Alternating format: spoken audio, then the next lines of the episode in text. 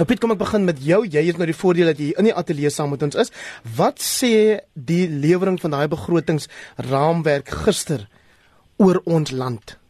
Dit sê ons is in baie baie diep moeilikheid uh finansiëel en dat ons gekenmerk word deur politieke teenstrydighede wat ons sukkel om van ons laat raak spesifiek so die ANC en die regering. Dawie Rood Ben Vermeulen van PSG het vroeër gesê die rand se waarde met so wat 2% gedaal gister na hierdie mm -hmm. toespraak. Ja, die rand het skerp verswak, so tot so R14.10 het ek hom op, op 'n stadium gesien. Ek dink meer belangrik egter is die kapitaalmark wat ook baie skerp verswak het. En daar het die mark weer kom ons stel dit in eenvoudige terme wat gebeur het, rentekoerse op die kapitaalmark het gestyg met so wat 0.3 van 'n persent, 30 basispunte. En dit is gewoonlik 'n baie beter aanduiding van uh, van van die reaksie op die finansiële markte. Die finansiële markte sonder enige twyfel was glad nie beïndruk met die minister nie. En as jy sogenaamde randverskansingaandele besit, dan was dit nie 'n te slegte dag vir jou nie. Inderdaad so, natuurlik Suid-Afrika se aandelebeurs, ongeveer 60% van die van die inkomste van die van die um, aandele van die maatskappye wat genoteer is op die aandelebeurs, die verdien hulle inkomste in die buiteland. Met ander woorde, soos wat die rand verswak, verdien hulle meer rande en die gevolg daarvan is natuurlik dat hulle pryse sommer sommer sommer baie goed uh, gereageer het uh, die om my waarheid te sê die laaste klompie uh, weke alreeds. So die aandelebeurs hou gewoonlik van die tipe van goed, maar dit is nie noodwendig goed vir die land se ekonomie nie. Piet Kroukamp die EFF het gister hulle taktik wat hulle nou al vele kere tentoongestel het wanneer die president praat in die parlement ook uitgehaal toe minister Gigamba gepraat het. Ja, hulle het probeer om die twee mekaar te koppel en ek moet vir jou sê en ek, ek dink Dawie gaan vir my verskil die die feit van die saak is dat ek dink Malusi Gigamba het gister daarin geslaag uh om minstens te wys dat hy sy eie persoon is. Uh dit is nie uh, uh Jacob Zuma begroting hierdie gewees nie. Al die begroting was waarskynlik Jacob Zuma omdat ons uh, deur staatskaping getuister word. Maar in terme van sy verhouding met die president is dit vir my baie duidelik gister dat hy waarskynlik nader aan die Ramaphosa kampus dat hy probeer om uh, sy eie politieke toekoms te projekteer deur te dink hy moet onafhanklik wees. Ek dink nie Jacob Zuma het gisterdag sit en gedink hy praat een van my van my uh, van my adjudante nie. Ek dink Ramaphosa het nader aan hom gevoel. David, ek verskil ja. Ek ja? het inderdaad van Piet. Uh weet jy uh, Andri gaan mens luister na iemand wat syfers ontleed, as jy na 'n ekonom luister wat vir jou byvoorbeeld sy eie ekonomiese statistieke en sy berekenings vir jou vir jou verduidelik, dan kan mens agterkom dat hierdie persoon weet waarvan hy praat. Hy maak nie syfers sy eie. As jy geluister het na na die minister gister is dit baie duidelik dat hy het nommers afgelees het uh, wat hy nie werklik wil verstaan wat hier aangaan nie. Maar waar dit is, die joernaliste het naai tyd 'n paar keer vir hom 'n paar goed gevra en ek het sommige van hierdie hierdie uh by die uh, video insetsels het ek na gekyk en dit is baie duidelik dat ons met 'n minister van finansies hier het wat hopeloos uit sy diepte is. Hy hy verstaan net eenvoudig nie wat die omvang van al hierdie van al hierdie syfers en wat dit beteken en wat die impak daarvan op die ekonomie gaan wees nie. Dis miskien nou nie noodwendig 'n Jacob Zuma begroting as sulks wat Jacob Zuma self hierdie syfers daar gaan insit nie, want ek dink ook nie hy het die nodige insig om te verstaan wat gaan aan in die begroting, maar sonder enige twyfel is dit die gevolg van die Zuma administrasie wat ons gister gesien het. En die die die staatssyfers het nou 'n punt bereik waar ons bitter bitter diep in die moeilikheid is. En die enigste manier om dit op te los is om minder geld uit te gee. En ek is bevrees hy het nou gesê uh, dat die staatsbeheerde instellings moet beter bestuur word en hy het verwys na uitgawes hier en daar, maar dit was glad nie die dringendheid wat ek sou verwag het van 'n minister van finansies wat die insig het in hierdie goeders het glad nie eenvoudig nie na vore gekom nie. Ek dink nie hierdie minister van finansies het die persoonlikheid, die insig, die ondervinding uh om te weet wat dit beteken om 'n minister van finansies te wees nie. En die finansiële mark het reeds daarom so swak gereageer. Maar ek ek ek, ek wil net vir jou sê as Pravin Gordhan gister hierdie uh, uh begroting gelees het, sou dit presies dieselfde gewees het. Daar is nie vreeslik ruimte om te beweeg nie. Die ding is so gemors dat uh om die waarheid te sê, jaar na jaar het Pravin Gordhan ons van 25% van GDP gespandeer tot by 48%. Jaar na jaar het hy by ons die indruk gelaat dat alles oukei okay is wat nie was nie. Jaar na jaar het hy niks gedoen in SOU's nie.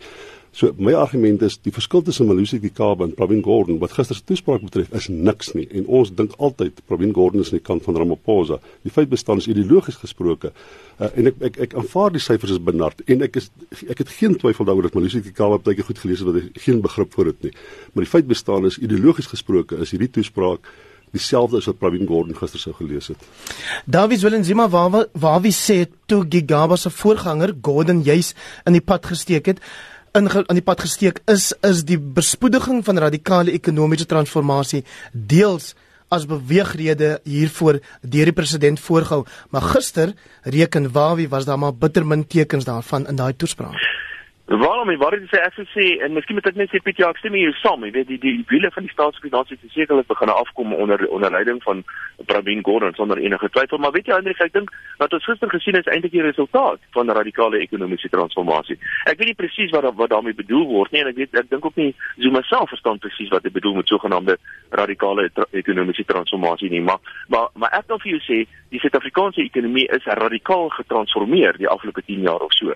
Die staatsfinansies is radikaal radikaal anderster as wat dit was. Op watter op watter wyse, Dawie? Nou uh, kom ek gee 'n paar syfers vir Die staat uh, toe Trevor Manuel in 1994, toe Trevor Manuel oorneem as minister van finansies, was die staat se skuldvlakke so 52-53% van die ekonomie. Die staat se skuldvlakke vandag staan op bykans 55% van die ekonomie. En die minister se vooruitsigte is vir 'n toename in staatsskuld tot meer as 60% van die ekonomie en ek dink hy's onrealisties in sy in sy voor, vooruitsigte. Ek dink dit gaan sal slegter wees. En 'n klomp ander goeters, die staat is heelwat groter, die staat weer 'n instelling se finansies is baie meer beroerd as toe. So so in omtrent in elke denkbare uh, matriks wat 'n mens na kyk, is die staat se finansies ernstig swakker as wat dit was selfs op die swakste tyd wat dit nog ooit voorheen was in 1996 of so. Uh, en sonder twyfel gaan dit vererger oor die volgende klompie uh, volgende klompie jare. En die uh, die, die implikasies hiervan is is dat dat ek en jy en die res van Suid-Afrikaners in hierdie land baie reuse groot belasting uh, toename sal moet sien ten einde hierdie ding te probeer balanseer. En nie net dit nie ons gaan goeie sien soos toename in rentekoerse ons gaan waarskynlik baie meer inflasie druk sien swakker ekonomiese groei en verdere toename en armoede en dis meer. En daar's nie 'n plan om hierdie wegroltrein te stop nie. En soos ek gesê het reeds dat hierdie minister van finansies het net eenvoudig nie die vermoë om hierdie probleme op te los nie Ja, ek dink die, die minister het gister gesê ons gaan ons gaan by 60% kan ons skuld las uh, teen 2022 20 so ons gaan tot daar gaan.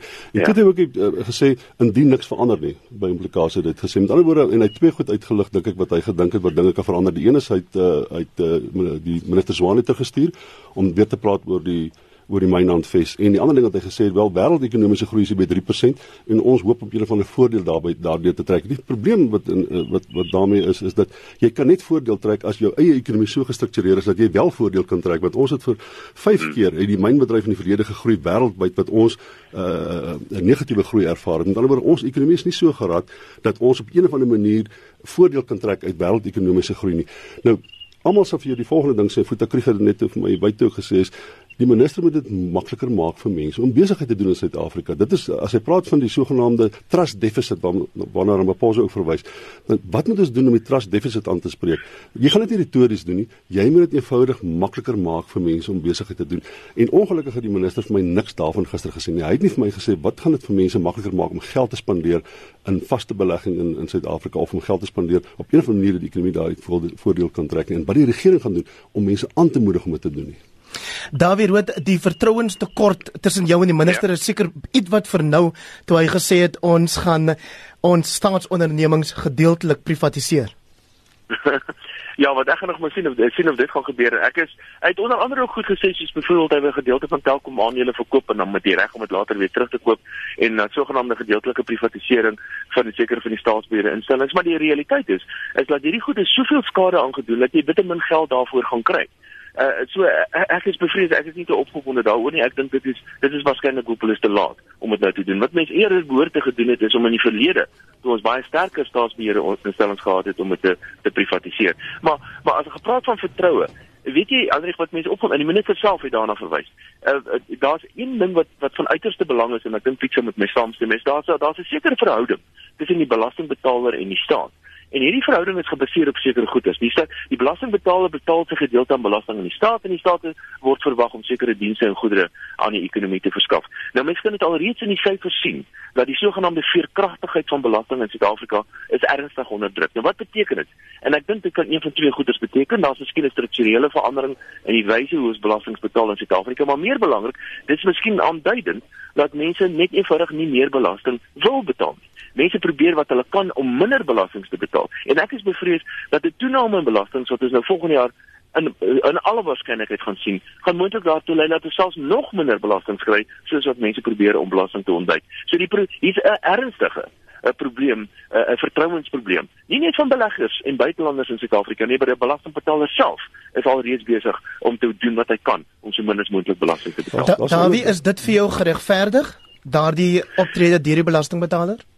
Wel sonder enige twyfel. Sonder enige twyfel as mens sien hoe die hoe die staat se geld gespandeer word en ek ek kan op elke denkbare ding kom trink wat hierdie regering aanraak word dit swak gespandeer uh, omtrent elke denkbare matriks. Ek dink die belangrikste een daarvan is miskien die kwaliteit van Suid-Afrika se onderwys. Ons spandeer reuse bedrae op onderwys, maar die kwaliteit is van die heel heel swakste in die wêreld. Dieselfde geld vir gesondheidsdienste. Kyk wat 'n gemors is daar at SASSA. En ons praat nie eens van die staatsbeheerde instellings nie.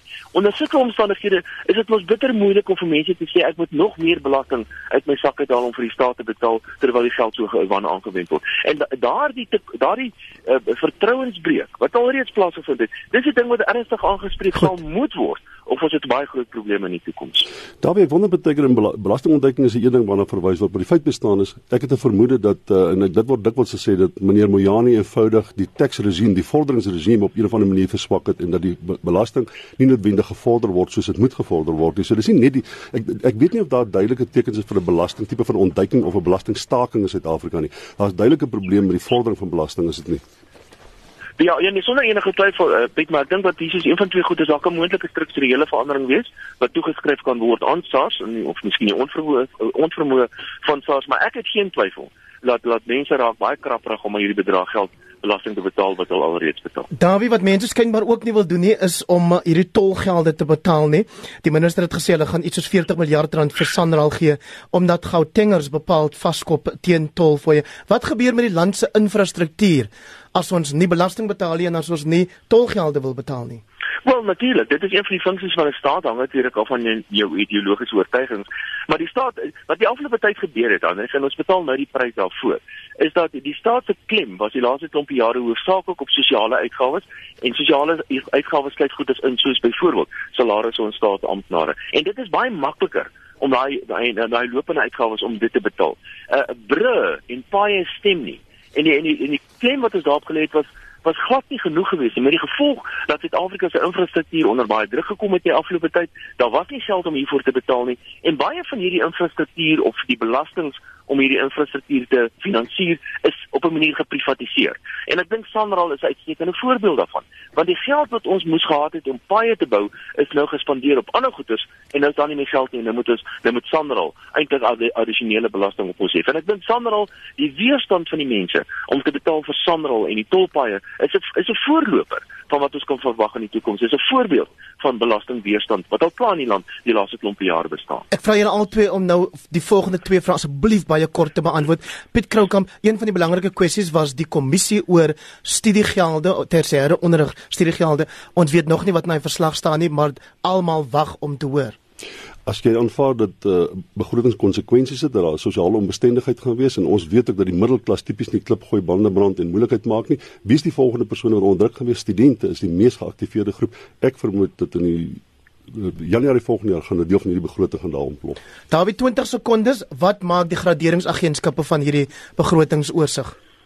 Ek is ek moet vir julle sê as ons nie 'n afgradering gaan gaan sien as gevolg hiervan nie, dan gaan ek bitter bitter verbaas wees. Die realiteit is die staat se finansies is nou oor daai fiskale afgrond en om dit te keer van nou af, het ons baie baie sterk en goeie politieke leierskap nodig, iets wat ons versekerlik nie tans het nie. Oh, dalk Piet Kroukamp omdat die president in die hof besig is en hy probeer daar om die die openbare beskermer se besluit dat die hoofregter en hy self nie 'n uh, voorstel moet aanstel vir die kommissie van ondersoek na staatskaping omdraai. Wat is die nuutste daaroor? Wel, dit lyk my die parlement is uh, besig om uh, op die agtervoet te beweeg en uh, hulle sou aanvanklik ondersoek, nou gaan hulle mee ondersoek nie. Ek dink uh, op hierdie stadium hulle wag vir Desember want daar's waar die groot besluite geneem word. Maar ek vra vinnig net oor die president se besluit om nie jy weet die hofsaak verder te voer. Dit is 'n regstegniese besluit. Ek dink sy sy Semenya het maar net toegegee bepaalde punt dat hy aanval nie kan wen nie.